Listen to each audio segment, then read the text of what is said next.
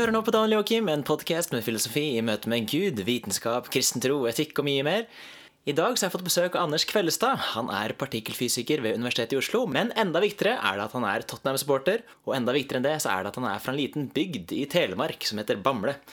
Akkurat samme som meg. Så selv om jeg kanskje mislykkes, så er i hvert fall han beviset på at eh, en så lita bygd faktisk kan produsere en oppegående person. Jeg og Anders har pratet litt om hvordan det er å leve som vitenskapsmann, hva, hva, han gjør. Vi har pratet litt om de minste bestanddelene i universet, om vitenskapens grenser om Gud, og ikke minst det å prøve å være et fornuftig menneske samtidig som du lever med en kristen tro på lasset. Så minner jeg dessuten på at vi har en premieutdeling gående nå. Nettopp fordi boka 'Grill en kristen' har blitt eh, solgt i 5000 eksemplarer siden den ble lansert eh, sist sommer, hvor jeg har skrevet dette kapitlene, så gir vi nå vekk tre eksemplarer av dette her fritt tilsendt over de neste tre ukene. Og det eneste du trenger for å få deg en av disse, er er enten å sende en melding med feedback, kommentarer, ønsker om gjester, temaer osv. til mail at danieljoakim.org eller på Facebook. Eller nummer to, du kan gå inn på iTunes, søke opp denne podkasten og gi den en stjernerating og en review. Og da må du altså i tillegg si ifra på mail eller på Facebook at du har gjort det, siden ikke jeg finner verken navn eller adresse på, på iTunes. Og da er du automatisk, uansett om du har kommentert positivt eller negativt, med i trekningen av tre bøker over tre uker, som blir fritt tilsendt hjem til deg. Så sett fram kaffen, sett på noe stearinlys, så tror jeg dere har en god time i vente. Dette er Anders Kvellestad.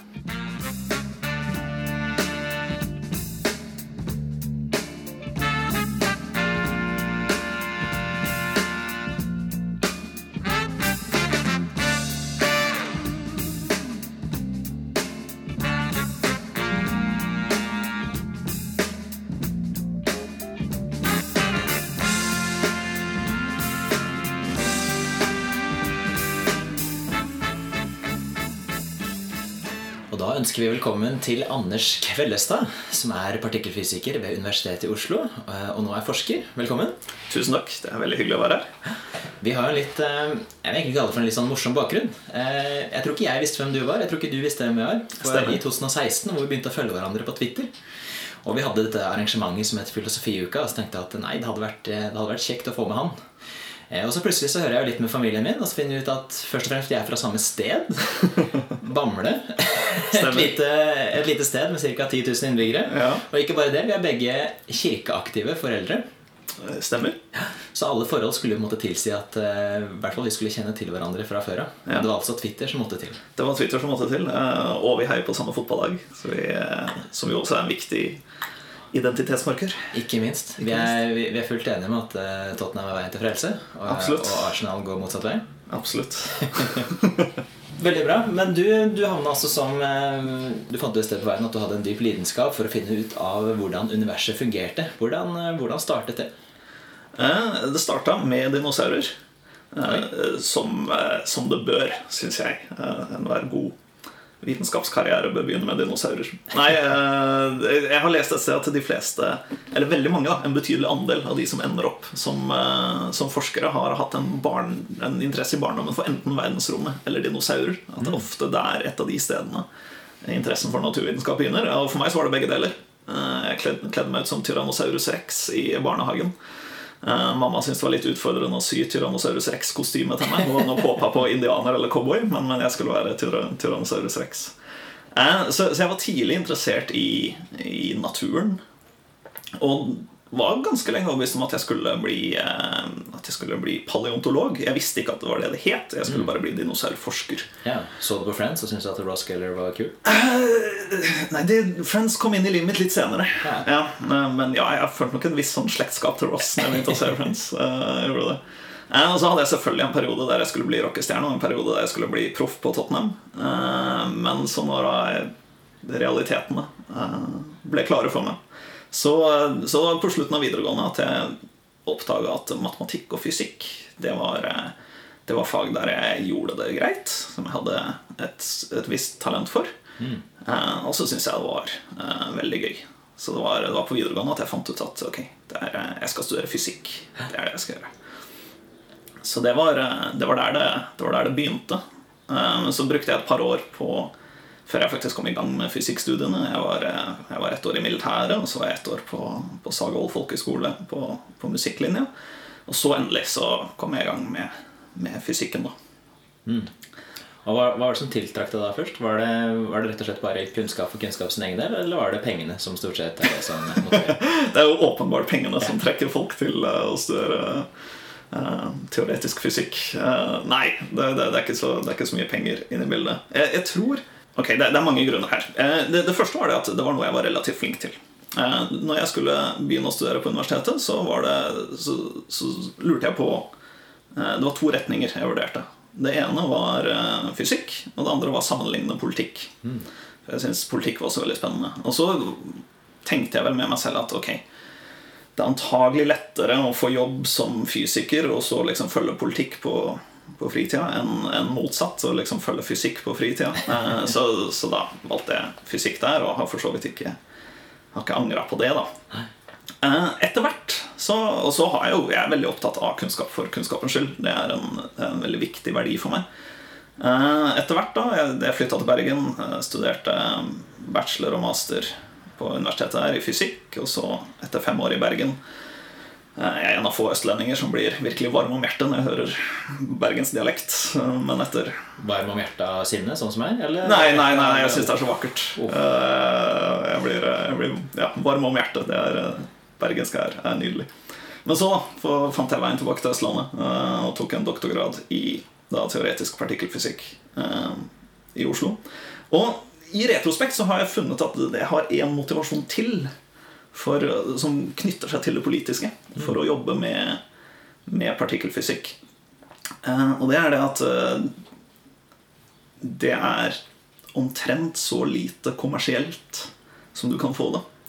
Det er veldig lite innslag av eh, motivasjon av penger. Det er veldig lite innslag av Altså, det, det, er mye Det er mye statuskamp, og det er mye altså, Partikkelfysikk er ikke et liksom, nirvana der alle er snille og, fredelige, men, men det er noen verdier som er ganske tydelige i partikkelfysikkforskningsmiljøet, og det er eh, sånne ting som ja, verdien av kunnskap for kunnskapens skyld. eh, at forskning skal være åpent tilgjengelig. Når vi skriver et dataprogram, så legger vi det ut, så legger vi ut koden på internett. Vi skal frigjøre forskningsdataene våre.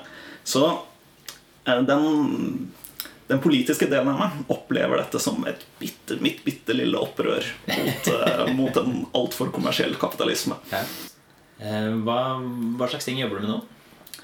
Eh, Så jeg er, jeg er partikkelfysiker, eh, en teoretisk partikkelfysiker, så vi deler oss litt sånn i to. Du har de som eh, gjør eksperimenter, og så har du de, de som er teoretikere, og som gjør mer matematikk og, og mye programmering. Og det jeg Kanskje det viktigste jeg, jeg jobber med, er at jeg, jeg prøver å tolke eksperimentelle data, f.eks. fra denne Large Hadron Collider på CERN, eh, på CERN som er liksom det største eksperimentet vi har. Eh, og det, noe jeg bruker mye tid på, er å ta resultatene derfra og så eh, analysere de og se hva betyr disse resultatene for gyldigheten av ulike nye partikkelfysikkteorier. Var det samme eksperimentet hvor de fant eh, Higgs-bosoner? Stemmer. Så det var, liksom, det var den store oppdagelsen de så langt har gjort på, på LHC, var at de oppdaga Higgs-bosonet i 2012. Ja. Um, Og det er altså en stor partikkelakselerator i, i Sveits, langt under bakken. Langt under bakken. Uh, Den ligger 100 meter under bakken. Den uh, ligger på grensa mellom Sveits og Frankrike. Og er en, en gigantisk ring, underjordisk ring, 27 km i omkrets. Eh, Der man akselererer protoner, altså hydrogenkjerner, eh, i opp mot nesten lysets hastighet. Og så kolliderer man de sammen. Og så har man da en, en rekke store detektorer som essensielt fungerer som gigantiske digitalkameraer. eh, Som da prøver å registrere dataene fra disse kollisjonene. Og det er liksom hundrevis av millioner av kollisjoner i sekundene. Og så prøver man da å se på de statistiske mønstrene i disse dataene. Og så prøver man å finne spor da av eh, ting som kan bryte med våre rådende, vår rådende teori. Så i partikkelfysikk i dag så har vi en teori Den, liksom, den gjeldende, etablerte teorien er den som har fått det ganske kjedelige navnet standardmodellen. Og i den teorien, som funker veldig bra, stort sett, så forventa vi at det skulle finnes et Higgs-boson. Så den oppdagelsen da i 2012 ble liksom den første Eller den, den siste, det var den siste brikka som falt på plass i denne standardmodellen. Og nå er jo da det det eneste alle fysikere nå hopper på, er å, å motbevise denne standardmodellen. For vi tror, vi, vi tror ikke det var enden på visa. Vi tror det fins liksom større, bedre teorier. Uh, og det er det jeg jobber med. Prøver å analysere disse teoriene og se fins det noen spor i disse dataene som kan tyde på uh, at noen av disse større teoriene stemmer. Så det er spørsmål som eh, vi prøver å forklare mørk materie. Vi prøver å forklare eh, hvorfor det fins et lite overskudd av materie over antimaterie i universet. Den typen, den typen spørsmål. Og hva er på en måte din forslag til alternativ til standardmodellen? Eh, Hvordan, hvordan ser det ut for en, eh, for en layman? holdt jeg på å si? eh, vi dobler antall partikler. Det er mitt forslag. Nei da, det er selvfølgelig ikke mitt forslag. Eh, men, eh, men det er et godt forslag. Eh, det er en av de kanskje den mest populære nye partikkelfysikkteorien de siste 20 åra. er en tanke som kalles supersymmetri. Eh, og det, det fins mange grunner til å at vi Det fins mange gode grunner til å tro på eh, supersymmetri fra liksom, teoretisk ståsted. Eh, en av de viktigste grunnene er eh, spørsmålet om hvorfor Hvorfor var Higgs-bosonet lett nok? Hvorfor massen til Higgs-bosonet lav nok til at vi kunne oppdage den på CERN?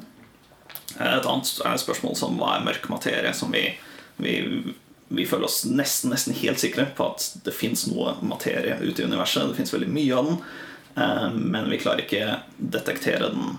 Vi, vi har ennå ikke liksom Den eneste måten vi merker den på så langt, er eh, pga. Eh, gravitasjonell tiltrekning. Vi klarer ikke se den gjennom elektromagnetisme, sånn som vi kan gjøre med de andre partiklene. Så, så supersymmetri har en forklaring på hva den mørk materie kan være. For eksempel. så dette har vært en enormt populær teori, eh, og jeg ble på en måte gjennom min utdanning så ble jeg oppdratt om du vil, i den, den rette tro, som er da å tro på supersymmetri.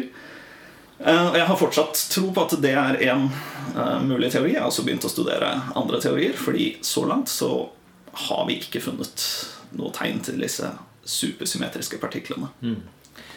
Hvis du kan oppsummere hvor, hvor mange alternativer er det som måtte hyppig diskuteres i dag? Oi.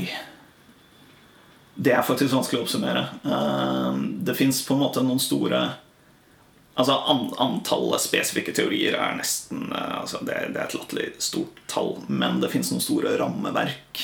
Eh, Supersymmetri er et sånt rammeverk, og innenfor supersymmetri så kan du formulere nær uendelig mange teorier.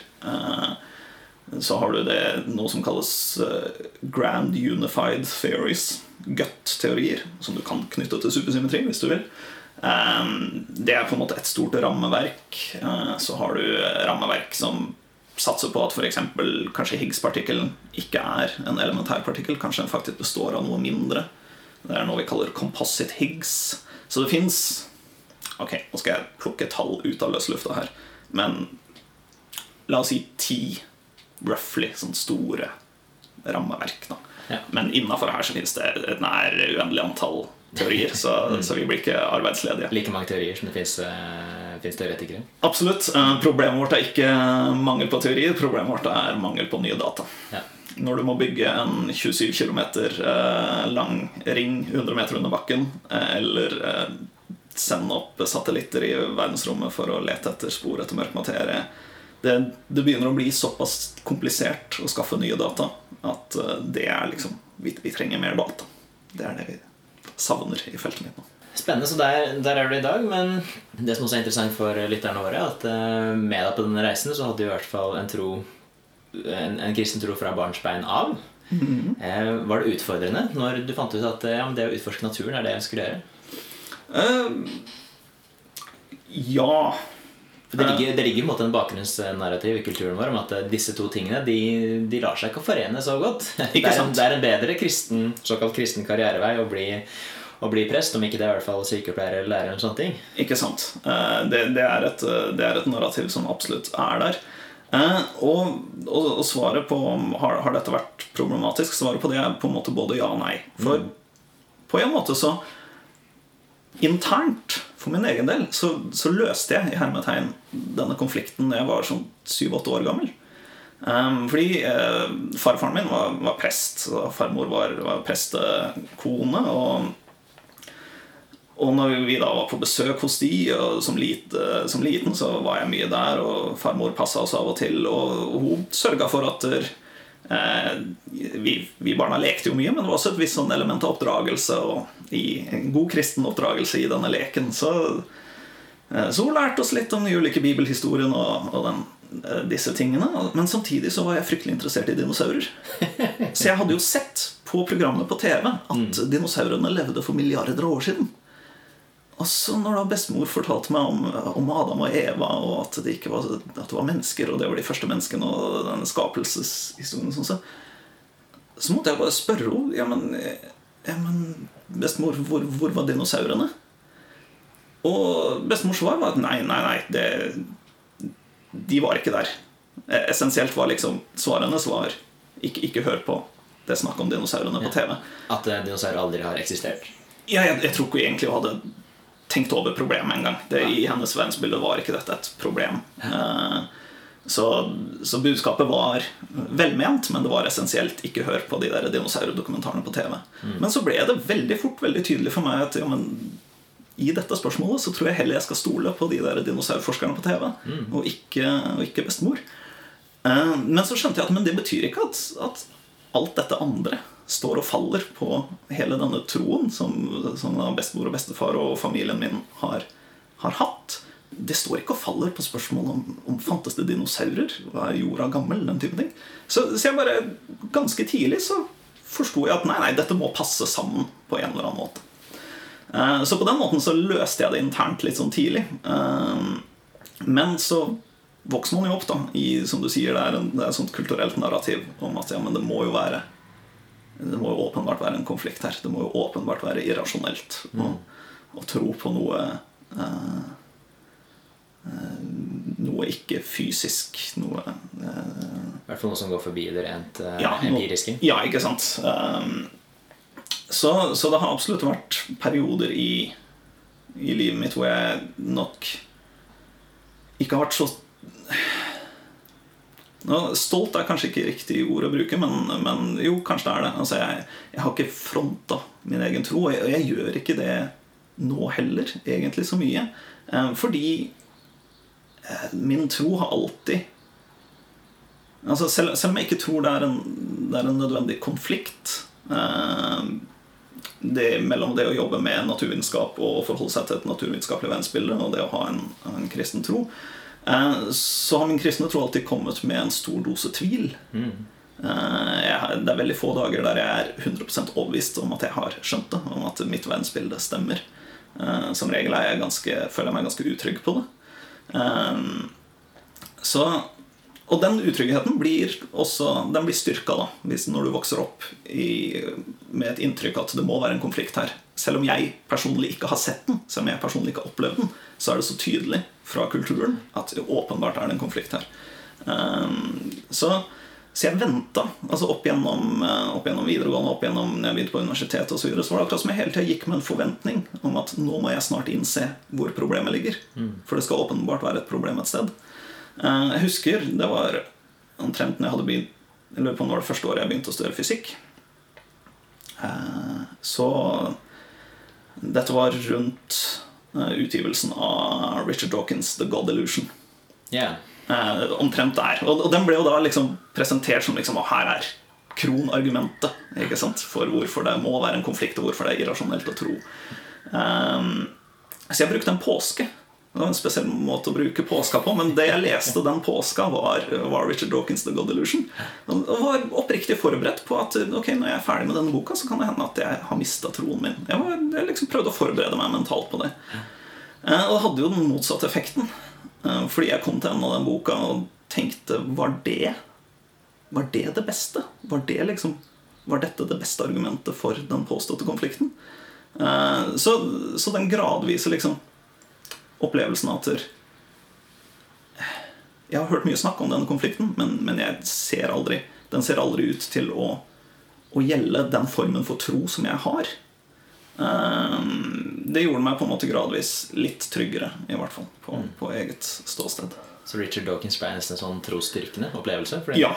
Rett og slett. Eh, kanskje ikke akkurat sånn han hadde håpa at den boka skulle, skulle virke, men, men, for meg så ble det det. Eh, det ga meg større tiltro til at altså, Selv om jeg syns mitt eget ståsted kan virke tidvis uforståelig eh, og mystisk, eh, så har jeg til gode å bli så overbevist av et ateistisk eller et alternativt livssyn at det har vært nok for meg til å faktisk skifte mm. ståsted selv. Jeg merker ofte jeg er ganske, jeg er ganske glad på ateister sine vegne. At, uh, jeg starta også dette her med, med nyatismen, og det var på en måte, da jeg også måtte ta et uh, bevisst valg og et bevisst oppgjør med hva, hva tror jeg egentlig på. Mm. Og fant ut at ja, det er absolutt reelle spørsmål som tidvis kommer opp. Um, men det er på en måte ikke den der totale kraften da, som, som gjør at dersom dette var det beste man hadde å stille med, så ja men at det heldigvis finnes eh, artister med betydelig større intellektuell slagkraft. Og det, jeg, det, det gleder meg nesten. ja, ja, ja, meg også. Og jeg har skjønt at det, det, ja, det, er, det, er, helt andre kilder jeg må gå til for å liksom virkelig finne de filosofisk uh, kraftige argumentene. Um, og de kildene er jo veldig interessante, men de ser også ganske annerledes ut. Det er på en måte ikke den der eh, banale sikkerheten at uh, Hei, jeg, jeg, er fornuftig, og du lider av en vrangforestilling. Ikke sant. Det, det, det, det, er noe med det. Uh, det er der vi starter. Ja, det er riktig. Uh, men, men, så prøver jeg hele tida å være ærlig på at for meg så er på en måte livssynet mitt stadig en sånn der work in progress. jeg tror ikke nå at jeg i 2018 har liksom Ja, nå har jeg funnet svaret, og dette kommer jeg til å stå på resten av livet. Mm. Jeg begynte et sted. Vi har alle et, et utgangspunkt. Mitt utgangspunkt var en, en det jeg vil anse som en høyst gjennomsnittlig eh, oppdragelse fra et, eh, fra et, gjennomsnittlig kristent hjem. Eh, det har vært mitt liksom, startsted, og alle har sine startsted. Og så har jeg ikke liksom eh, Jeg har ikke møtt overbevisende nok argumenter til å fundamentalt skifte syn. Mm. Men kanskje om to år, om fem år, om ti år Kanskje har jeg endt et annet sted. Jeg vet ikke, men det er liksom per dags dato. Her står jeg.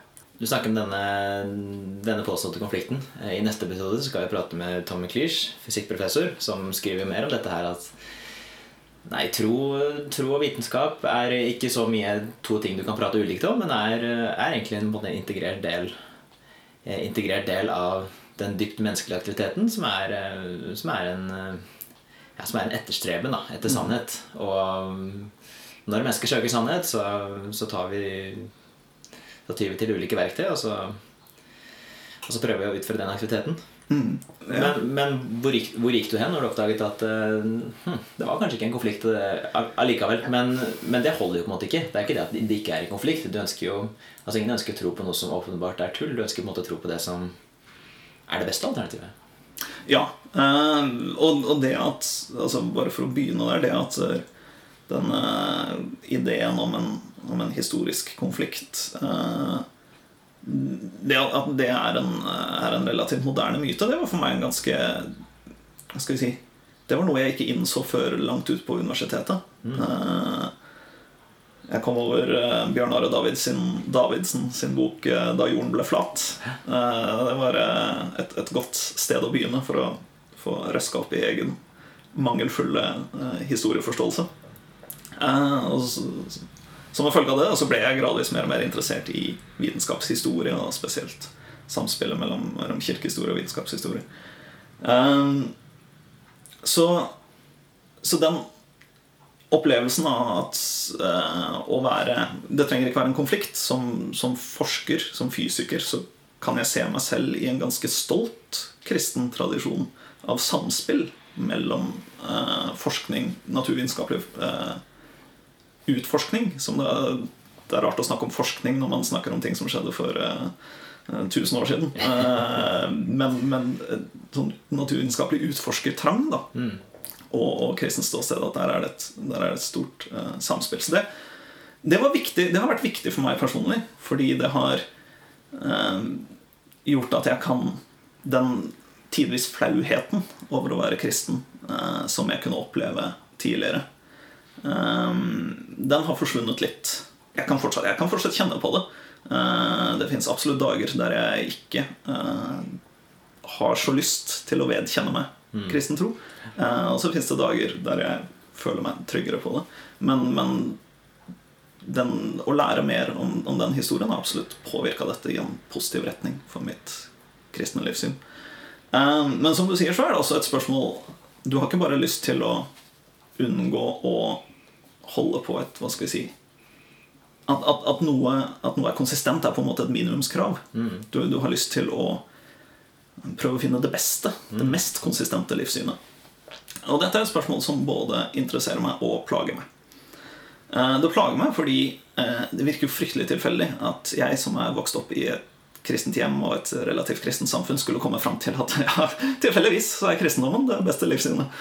Eh, Jeg har en mistanke om at eh, jeg kunne blitt en ganske god liberal, moderat muslim også. Um, fordi en del av de liksom eh, filosofiske grunntankene om at ok, kanskje man trenger noe sånn som en skaper, den type ting, kunne talt til meg også fra andre eh, livssyn. Så, så man, jeg, jeg vil på en måte anerkjenne at det er helt sikkert et, et aspekt av det.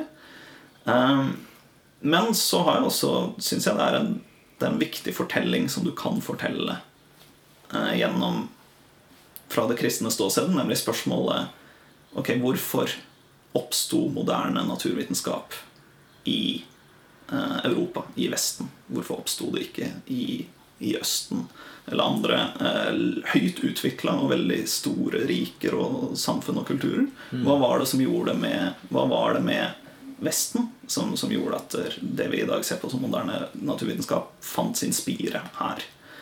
Eh, og da blir jeg ganske Jeg syns det er en ganske overbevisende fortelling, den du da kan fortelle om at eh, det kristne, det klassiske kristne gudsbildet Gud som en eh, på en måte absolutt rasjonell lovgiver.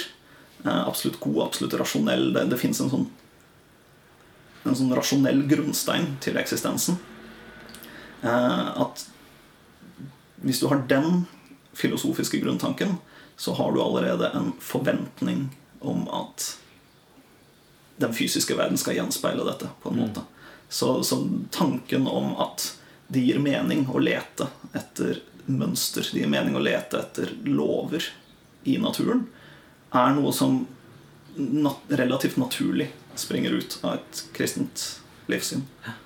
Og det, det kan virke ganske åpenbart for oss som er oppvokst i, oppvokst i Norge på, i vår tid. Men for de, for de omkransende kulturer så var det jo på ingen måte, på ingen måte åpenbart at det, det var noe slik som en, ja, som objektiv lovmessighet, og at eh, universet var grunnleggende rasjonelt. Ja, ikke sant? Og, og denne, denne kristne tanken om, om eh, Det er vel det som omtales som de to bøkene. At, at det fins på en måte Det fins to veier eh, til å Komplementære veier til å lære om Gud og lære om skapelsen. Og det ene er gjennom historisk og gjennom, eh, gjennom teksten, gjennom, gjennom Bibelen. Men det andre er å, å studere naturen. At det er på en måte en måte å eh, Du kan se på det som en, som en måte å lovprise Gud på, og det er også en måte å lære noe om, om, om Gud. Eh, og det er, det er et perspektiv som som jeg finner ganske dyp glede i. Da. Det er at jeg på den måten kan knytte det jeg gjør i det daglige, eh, som føles ofte veldig teknisk og langt fjerna fra eh, religiøse funderinger. At jeg i bunn og grunn så kan jeg ta et steg tilbake og så kan jeg se på det i dette større bildet. At ja, det jeg studerer, fra, sett fra dette kristne ståstedet, er, er skaperverket. Vi lærer noe eh, teologisk viktig ved, å studere, eh, ved å studere naturen. Og når man ser tilbake, så er jo dette her også en ganske grunnleggende versjon for eh, disse pionerene. Helt fra 1200-1300-tallet og, fram med disse kjente skikkelsene som vi kjenner til, med sir Francis Bacon og Copernicus og Galilei og alle disse her. At eh, naturen vi studerer, er ikke bare en natur. Slik at eh, når vi lærer om naturen, så ikke, lærer vi ikke bare om naturen og punktum finale. Ferdig med det. Men du lærer, også, du lærer jo noe om nærmest om Gud selv, og hvordan Gud selv har valgt å skape. Ja. Og um, Man trenger ikke nødvendigvis være enig med det, men jeg tror i hvert fall man kan forstå at det gir en slags ekstra motivasjon for en, eh, for en person som tror at dette er sant. Ja, og så, er det jo selvfølgelig da viktig å, å si at eh, åpenbart, og det er jo et rent empirisk spørsmål, åpenbart trenger man ikke være enig i dette filosofiske grunnsynet for å gjøre god vitenskap. eh, Og for å se motivasjon i, i vitenskap. Eh, Men, men hvis man er åpen for det perspektivet, så, så kan det tilføre en slags ekstra dimensjon. Eh, Og, og et sånn Altså et, et eksempel da, på at vi kanskje lærer noe om, om Gud gjennom naturvitenskap, som, som jeg syns er veldig givende, er um, f.eks. spørsmålet om uh, evolusjon. Uh, eller som enda nærmere mitt felt, eh, spørsmål om eh, kvantefysikk og hvordan liksom, naturen fungerer på, på veldig sånn finkorna skala. Eh, at, at det vi det vi finner når vi studerer naturen, er at naturen er i en sånn form for evig skapelse. Skapelse er ikke noe som skjedde. Det var ikke, det var ikke et trylleslag for, for 6000 år siden. eller et eller annet sånt. Det vi ser, er en natur som er i kontinuerlig skapelse, og vi er en del av den prosessen.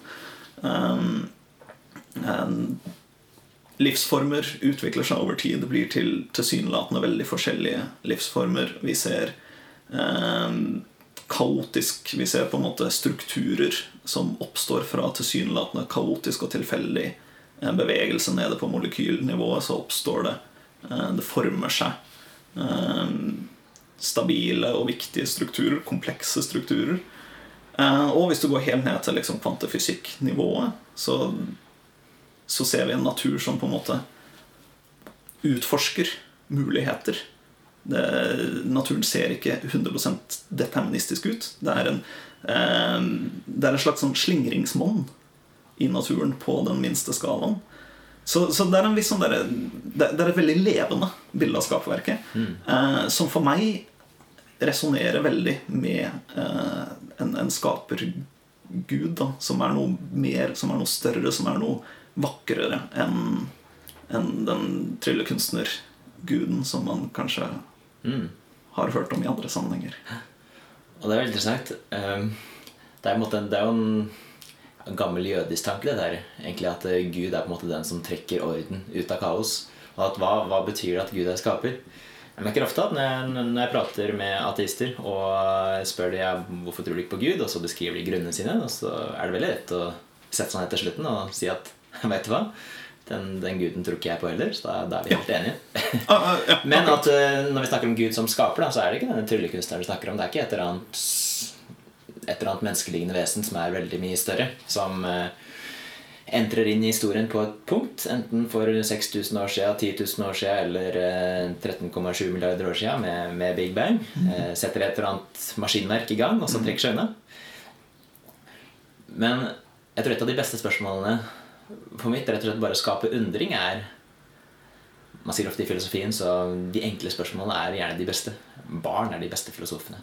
Eh, gamle mennesker med 30 års utdannelse er ofte forferdelige filosofer, for de stiller seg selv spørsmål som ingen har interesse av. Ja, Spesielt hvis de er fysikere. For kan de stort sett eh, De uttaler seg om filosofiske spørsmål de ikke har noe grunnlag for også. Men er noe også. Men bare sånne spørsmål da, som, som hva er eksistens? Ja. Altså, jeg tenker at eh, mennesker gikk glipp av noe når vi måtte vokse opp og ble så vant til at ting bare er som de er. At vi, vi glemte å stille oss selv de spørsmålene. Tenk om å gjenoppdage den der barnets fascinasjon for å løpe rundt og tenke at alt er nytt. Altså løpe bort til et tre, og så hva, i alle dager er dette her? Hva slags struktur er det? Hvor kommer det fra? Hva, og så videre. Og så løpe bort til en hund, og så måtte, hva i alle dager er det? Hvorfor er snuta kald? Hvorfor, hvor, hvor kommer det fra? Hva gjør det? Men rett og slett det er et grunnleggende spørsmål Hva er eksistens? Eh, og denne her åpenbaringen med at ja, men eksistens er ikke noe som er åpenbart i det hele tatt. Og, ikke, og ikke minst hva er de nødvendige forutsetningene for eksistens. Ja. Og, og forstå det at eh, Gud som skaper betyr ikke at han var der på et visst tidspunkt og satte et maskinverk i gang, men at Gud som skaper betyr at han er den kontinuerlige opprettholderen av all eksistens. At eksistens i seg selv er umulig. eh, isolert fra den som er eksistensen selv. Og det, det gir på en måte en ny sånn Som du sier, da. Veldig sånn levende le, Ja. levende forståelse. og tenke at ja, men Gud er ikke noe som er der ute, som jeg kan connecte meg på eller connecte meg av, eller som var eh, der langt tilbake i historien og satte alt i gang. Men Gud er på en måte Gud er det første prinsippet som gjør at jeg kan løpe rundt her og nå. Og enten se på TV-serier eller, eh, eller studere fysikk. I- i- Ikke sant? Så det er et, eh, det er et, et av de liksom viktige si, bildene i hodet mitt er akkurat det at jeg, jeg har ikke lyst til å plassere Gud ved begynnelsen av Big Bang, f.eks. Uh, jeg, spør meg, så er det ikke usannsynlig at det har vært eh, altså For det første så vet jeg ikke engang Vi, vi vet ikke hvordan tid utvikler seg. Har, har det vært noe som vi kan kalle tid før Big Bang? den type ting Fins det multivers? Fins det mange univers? Den type ting. Eh, jeg har ikke lyst til å plassere Gud noe sted der. Eh, det mentale bildet jeg har, eh, og som føles eh, viktigere, er som du sier, Gud som opprettholder.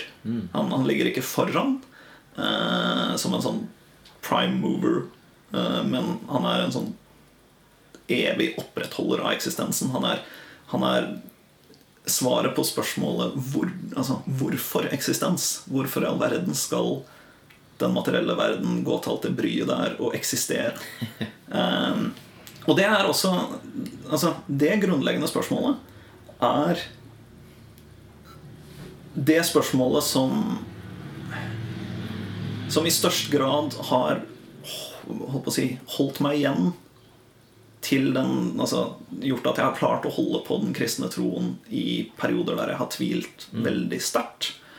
Um, fordi jeg føler at et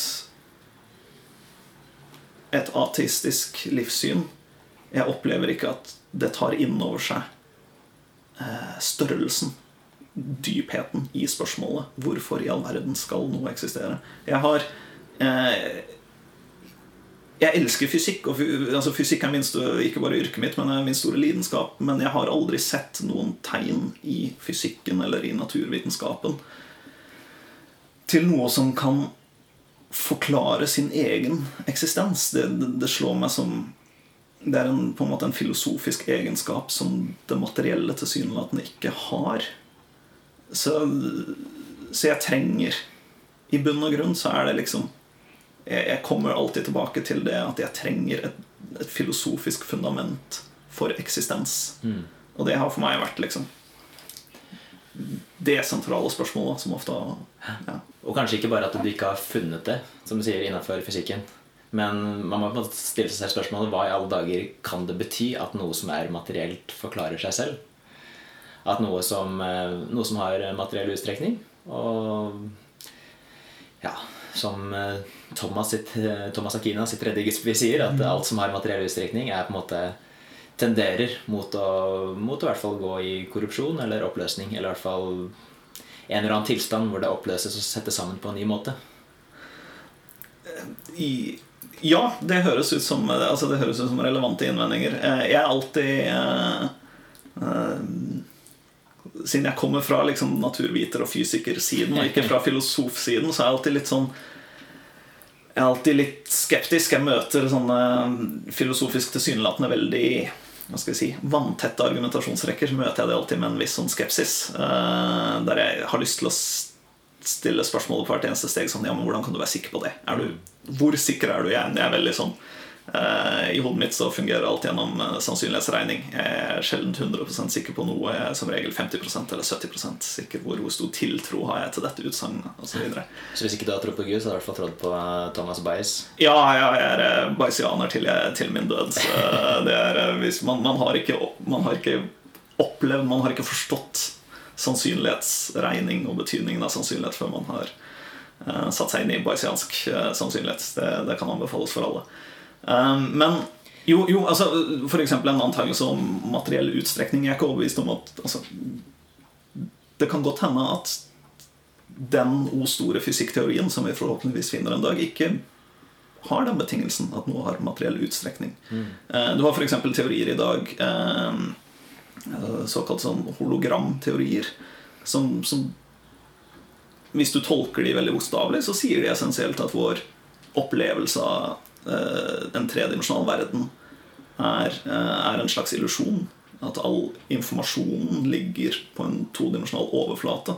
Og at det vi opplever som tre dimensjoner, er et hologram på samme måte som du kan se de her fancy små hologrammene på, på bankkortet ditt.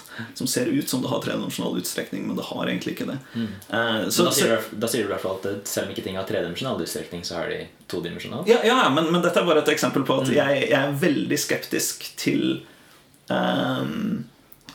å legge for store føringer på hva um, si hva jeg tror at den dypeste fysikkteorien skal være.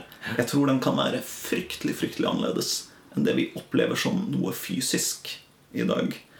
Eh, men det jeg ikke tror, er at den på en eller annen magisk måte skal kunne forklare sin egen eksistens. Det vil være en lov, det vil være en matematisk struktur, og det vil være noen det må være noen ting i den ligningen. Det, det være seg kvantemekaniske tilstander, kvantefelt, eh, strenger, et eller annet. Det vil være noen objekter i den ligningen, og det vil være en form på den ligningen. Eh, og den kan ikke forklare seg selv. Det er, det er liksom Og her trenger jeg Der vil noen stoppe og mm. si ja, spørsmål utover det gir ikke mening. Og, det er jeg bare grunnleggende uenig i. Jeg tror de spørsmålene gir veldig mening, og jeg tror det er de dypeste spørsmålene vi kan stille oss. Ja. Jeg har alltid syntes det har vært så merkelig at uh, noen mennesker har bare lyst til å sette foten et eller annet sted og si at spørsmål utover dette gir ingen mening. Uh, ja. For det virker som man på en måte bare privilegerer de enkle spørsmålene. Altså, det, er jo, det er som å gå på universitetet, melde seg opp på alle de enkle fagene som du vet at du kommer til å få gode karakterer, men unngå de vanskelige fagene og si at uh, Nei, de vil jeg ikke ta, for de er ganske meningsløse uansett. Mm som du sier, det er fantastisk å bare fortsette å stille spørsmål. Ja, og gjerne de mest banale spørsmålene som fins. Ikke sant. Det, altså, eh, fremgang fås som regel når man, altså, man får det går framover i naturvitenskapen når vi klarer å finne det rette spørsmålet. Mm. Stille det rette spørsmålet Så er det stort sett snakk om liksom, teknikaliteter. Og ok, klarer vi å løse den ligningen Men spørsmålet var å sette opp den ligningen du prøvde å løse. i utgangspunktet ja. uh, Så, så liksom, verdien av å fortsette å stille spørsmål Og det er jo sånn sånn det er noe nesten paradoksalt der over at Igjen trekker dette tilbake til konflikttesen. En av de Noe av det man ofte hører da om eh, Jeg har ikke lyst til å snakke om religion generelt, men, men om kristendom, er at, er at, det har vært på en måte begrensende. At, mm. at det, det, sier at noen spørsmål er forbudt. Du, du, får ikke lov til å stille spørsmål om, om dette i naturen. Eh, og det er La oss si det sånn, det har aldri, det har aldri vært den opplevelsen jeg har hatt. Og det er ikke det er ikke en historie som jeg finner uh, i noen aspekter, noen deler av kristendommen. Absolutt. Uh, men, men, ikke den retningen som jeg føler meg hjemme i. Uh, og da, som du sier, at du da har et, et, språk for å stille spørsmål som går utover det rent materielle, som går utover det rent fysiske.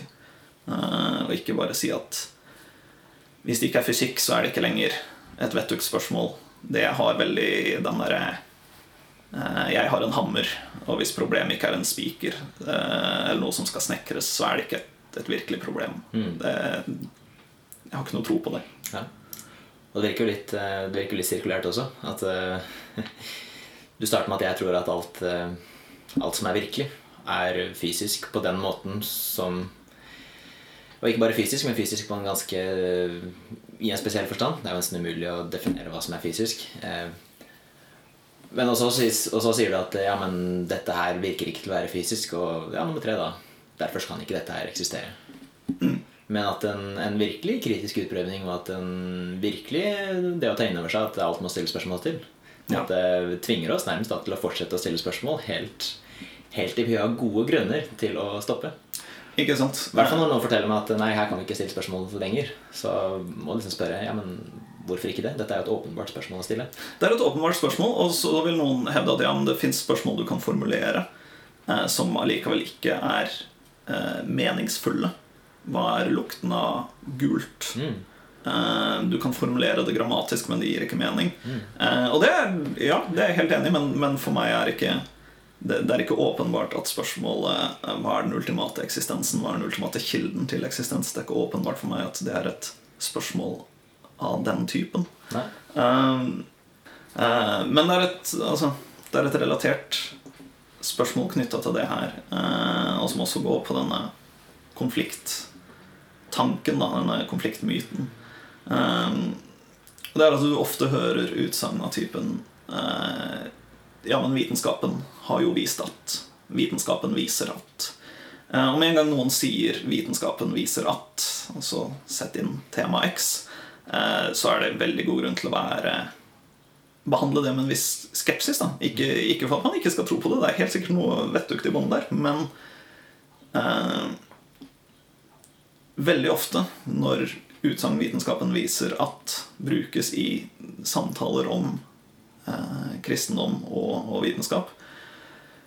Eh, og som argument mot et kristent livssyn eh, så har det som regel da blitt sneket inn eh, filosofi et eller annet sted på veien. Mm. Fordi en av grunnene til at jeg som kristen kan eh, gjøre vitenskap sammen med ateister og muslimer og, og jøder og Altså at, at, vi kan jobbe sammen så godt, er akkurat fordi eh, det vitenskapen handler om, som er utforsking av den naturlige, materielle verden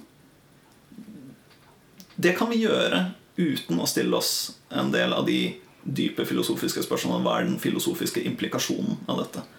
Eh, men hvis noen prøver å på en måte kuppe vitenskapelige oppdagelser, eh, vitenskapelige fremskritt, um, som argument for sitt uh, ateistiske ståsted, så har de da ofte sneket inn en, en, en filosofisk antagelse om uh, reduksjonisme eller materialisme. Den, det livssynet da, har da kommet inn i deres filosofiske tolkning av naturvitenskapelige data. Mm. Så det er Ja. De, Eh, de filosofiske antakelsene har, og filosofiske perspektivene har, har mye å si da, for hvilke, hvordan man til slutt leser liksom, naturvitenskapelige fremskritt. Og Det er jo gjerne det man merket hos nyatistene også. at eh, de var veldig på dette her å claime og si at eh, hei gutta, vi har, vi har, fornuft og naturvitenskap på vår side. Absolutt. Så hvordan i alle dager kan dere ja, Underforstått, da. Alle som er imot det vi sier her, er egentlig også motstandere av fornuft og naturvitenskap. Det du oppdaga ganske raskt, og som en kristen så var det på en måte det kjipt. For det, mm. hvis du skulle trodd på det, så måtte du oppriktig tenkt at hm, jeg, jeg mista plutselig tilgang til, til disse tingene her. Og hva har jeg da å lene meg på? Jo, jeg har noen gamle historier. Jeg har litt uh, overtro. Jeg har, uh, jeg har foreldrene mine, jeg har besteforeldre. Jeg har noen mm. måter som mennesker lever på. Men jeg har liksom ikke, har liksom ikke så mye mer enn det. Ja, ikke sant? Du, du blir dytta du, du, mister Rasjonalitet er plutselig ikke mm. et argument du har lenger fordi noen har kuppa det. Uh, og, og, det er en, en viss sånn kjepphest for meg, da. Er at det er I disse store, virkelig de dypeste filosofiske spørsmålene så fins det ingen a priori mer fornuftig eh, Holdt på å si Ok, nei, la meg omformulere det. Eh, det ateistiske ståstedet er ikke a priori mest fornuftig. Det det er, ikke rimelig å anta det som en nullhypotese mm. eh, i en vitenskapelig sammenheng. Når vi studerer ting i naturen, eh, så har vi ofte en nullhypotese fordi vi har observert lignende fenomener før. Vi har masse data, masse erfaring, gode teorier å lene oss på. Det kan gi mening å si dette er min liksom, nullhypotese, dette er det jeg antar til å begynne med, og så må dataene virkelig overbevise meg i en annen retning før jeg forkaster denne hypotesen. Eh, det gir mening. Det gjør vi alle sammen. Eh, men det er ikke den typen spørsmål vi her takler. Vi, takler et, vi, vi, diskuterer ikke et spørsmål om noe som skjer i den naturlige, i den fysiske verden. Mm. Det vi diskuterer, er hvorfor fins den fysiske verden. Mm. Og der, der, har ingen av oss eh, den liksom Ingen kan si at mitt startpunkt er mer rasjonelt enn ditt. Ja. Og ikke bare hvorfor finnes den, men hvorfor har den den strukturen den har. Hvorfor har den struktur i det hele tatt? Hvorfor finnes det regelmessigheter? Hvorfor, eh, hvordan kan det finnes eh, levende skapninger med tilsynelatende fornuft? Hvordan kan det finnes verktøy der ute som matematikk og logikk som på en eller annen merkelig måte kan anvendes til å beskrive den naturen? Men, men, absolutt, men da, men da begynner du da begynner du å trekke inn data. Og det er jo det neste du må gjøre. Mm. Da begynner du å trekke inn observasjoner. Du har observert åpenbart at det fins levende vesener i universet. Og vi, universet ser ut til å følge visse lover og sånn. Dette er veldig veldig relevante data. Men allerede før det du, vi, vi, har alle Dette er bayesianerne i meg igjen uh, som, som, snakker. Vi, vi, vi, starter alle fra det vi kaller en, en prior, fra en, et a priori ståsted. Eh, og, og fordi dataene våre tilsynelatende, bare fordi åpenbart er veldig intelligente mennesker veldig uenig med eh, ditt og mitt syn, så åpenbart så er det Det oppleves konsistent. Og å få disse dataene Det er et, et univers med struktur, med levende vesener. Du kan tydeligvis få det til å passe inn i mange livssyn. Mm. Og når dataene dine kan passe mange modeller, så betyr det at konklusjonen du lander på, vil være veldig avhengig av hva trodde du i utgangspunktet. Hva trodde du før du begynte å ta hensyn til dataene. Og det er der, allerede der jeg er veldig opptatt av at der er ikke den ene Det ateistiske alternativet er ikke a priori mer rasjonelt enn et teistisk ståsted. Eh, så ingen kan på en måte claime rasjonalitet på sin side. Rasjonalitet handler mer om når du har tatt noen grunnantagelser eh, Hvordan behandler du ny informasjon? Eh, du må, du må, gjøre det på en ærlig og på en måte en oppriktig måte. Da argumenterer du rasjonelt, men innenfor en modell. Ikke sant? Mm. Og da går jo den bayesianske modellen ut på at du, du oppdaterer da, dine, din interne sannsynlighetsberegninger ut fra det, de nye dataene du får. Ja. Slik at Hvis du tenkte at ja, dette var litt sannsynlig før, men så kommer det noen data som øker sannsynligheten på det. Ja. Eller, eller, slår den så langt ned at du rett og slett må finne en ny modell. Ja, så, så, så det er liksom det, det er grunntanken i, i den såkalte Bayes-teorem eller Bayes-setning, er, er det at du gjennom ny informasjon Du har et ståsted. Du har eh, Sannsynligheten for X er jeg tror den er 30 eh, men så får jeg noe ny informasjon. Eh, kanskje jeg tror at sannsynligheten for at eh, Tottenham vinner ligaen neste år er 30 så det var veldig høyt. Men okay, la, ja, hadde bare vært så vel. Men la oss si 30% Vi er optimister her. Sterke i troen. Eh, og så får jeg noe ny informasjon. Eh, kanskje jeg får høre at Harry Kane er langtidsskade. Ok, åpenbart så må jeg nå revurdere den sannsynlighetsvurderinga. Nå synker den til 10 mm. eller kanskje 5% Så det er på en måte den grunntanken er det som skjer i Bayes-teorem. er liksom eh, sånn sannsynlighetsbasert resonnering. Um, og, og, det er en, si, et, en måte å strukturere tanker på som, som, jeg finner ganske nyttig, i hvert fall. For å prøve å eh, resonnere på en ryddig måte der du tvinges til å alltid ta høyde for hva trodde jeg i utgangspunktet, og så eh, samtidig på en måte være helt klar på hvilken ny informasjon tar du inn. Eh, og så sier jeg selvfølgelig ikke at jeg klarer å resonnere om de store spørsmålene om liv og univers og alt på denne måten. Mm. Jeg, jeg tallfester ikke disse tingene. Eh, det, det, gjør ingen, men, men det, det, gir meg et mønster for hvordan skal jeg prøve å resonnere om disse tingene. Mm.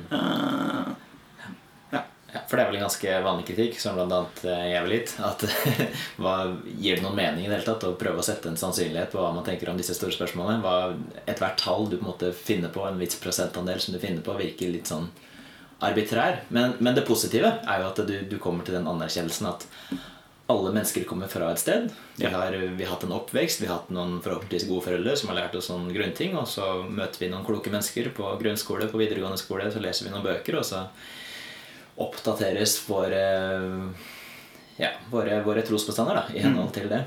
Ja, og, og det her er, ok, vi, vi, skal ikke gå ned det kaninhullet som er da diskusjonen om subjektiv versus objektiv bayesianistisk tolkning av sannsynlighet.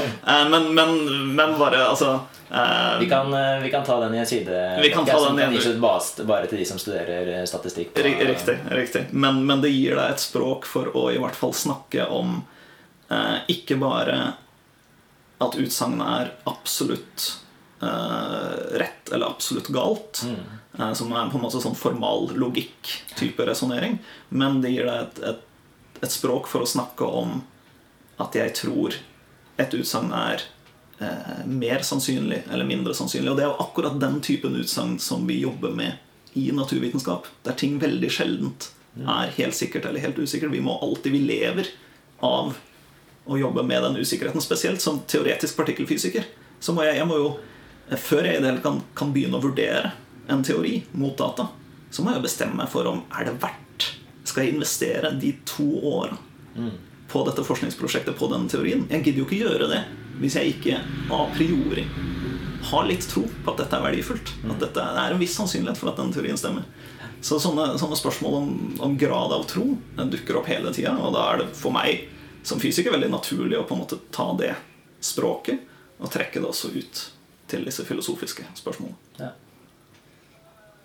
Sånn, sånn, helt til slutt, da. For det, du, er jo et, eh, du er en person som har eh, levd med både tro og tvil opp gjennom hele oppveksten. På samme måte som meg og mange andre.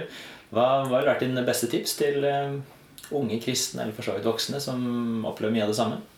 Um, les, uh, les litt vitenskaps- og religionshistorie. Uh, det var i hvert fall for meg personlig viktig.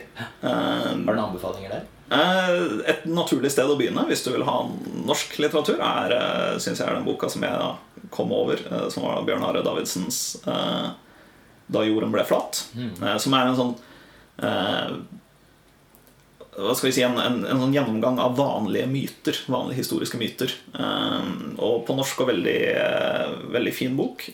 vi sender åpenbart Bjørn Are en faktura etter denne episoden. Åpenbart. åpenbart Det blir ikke billig.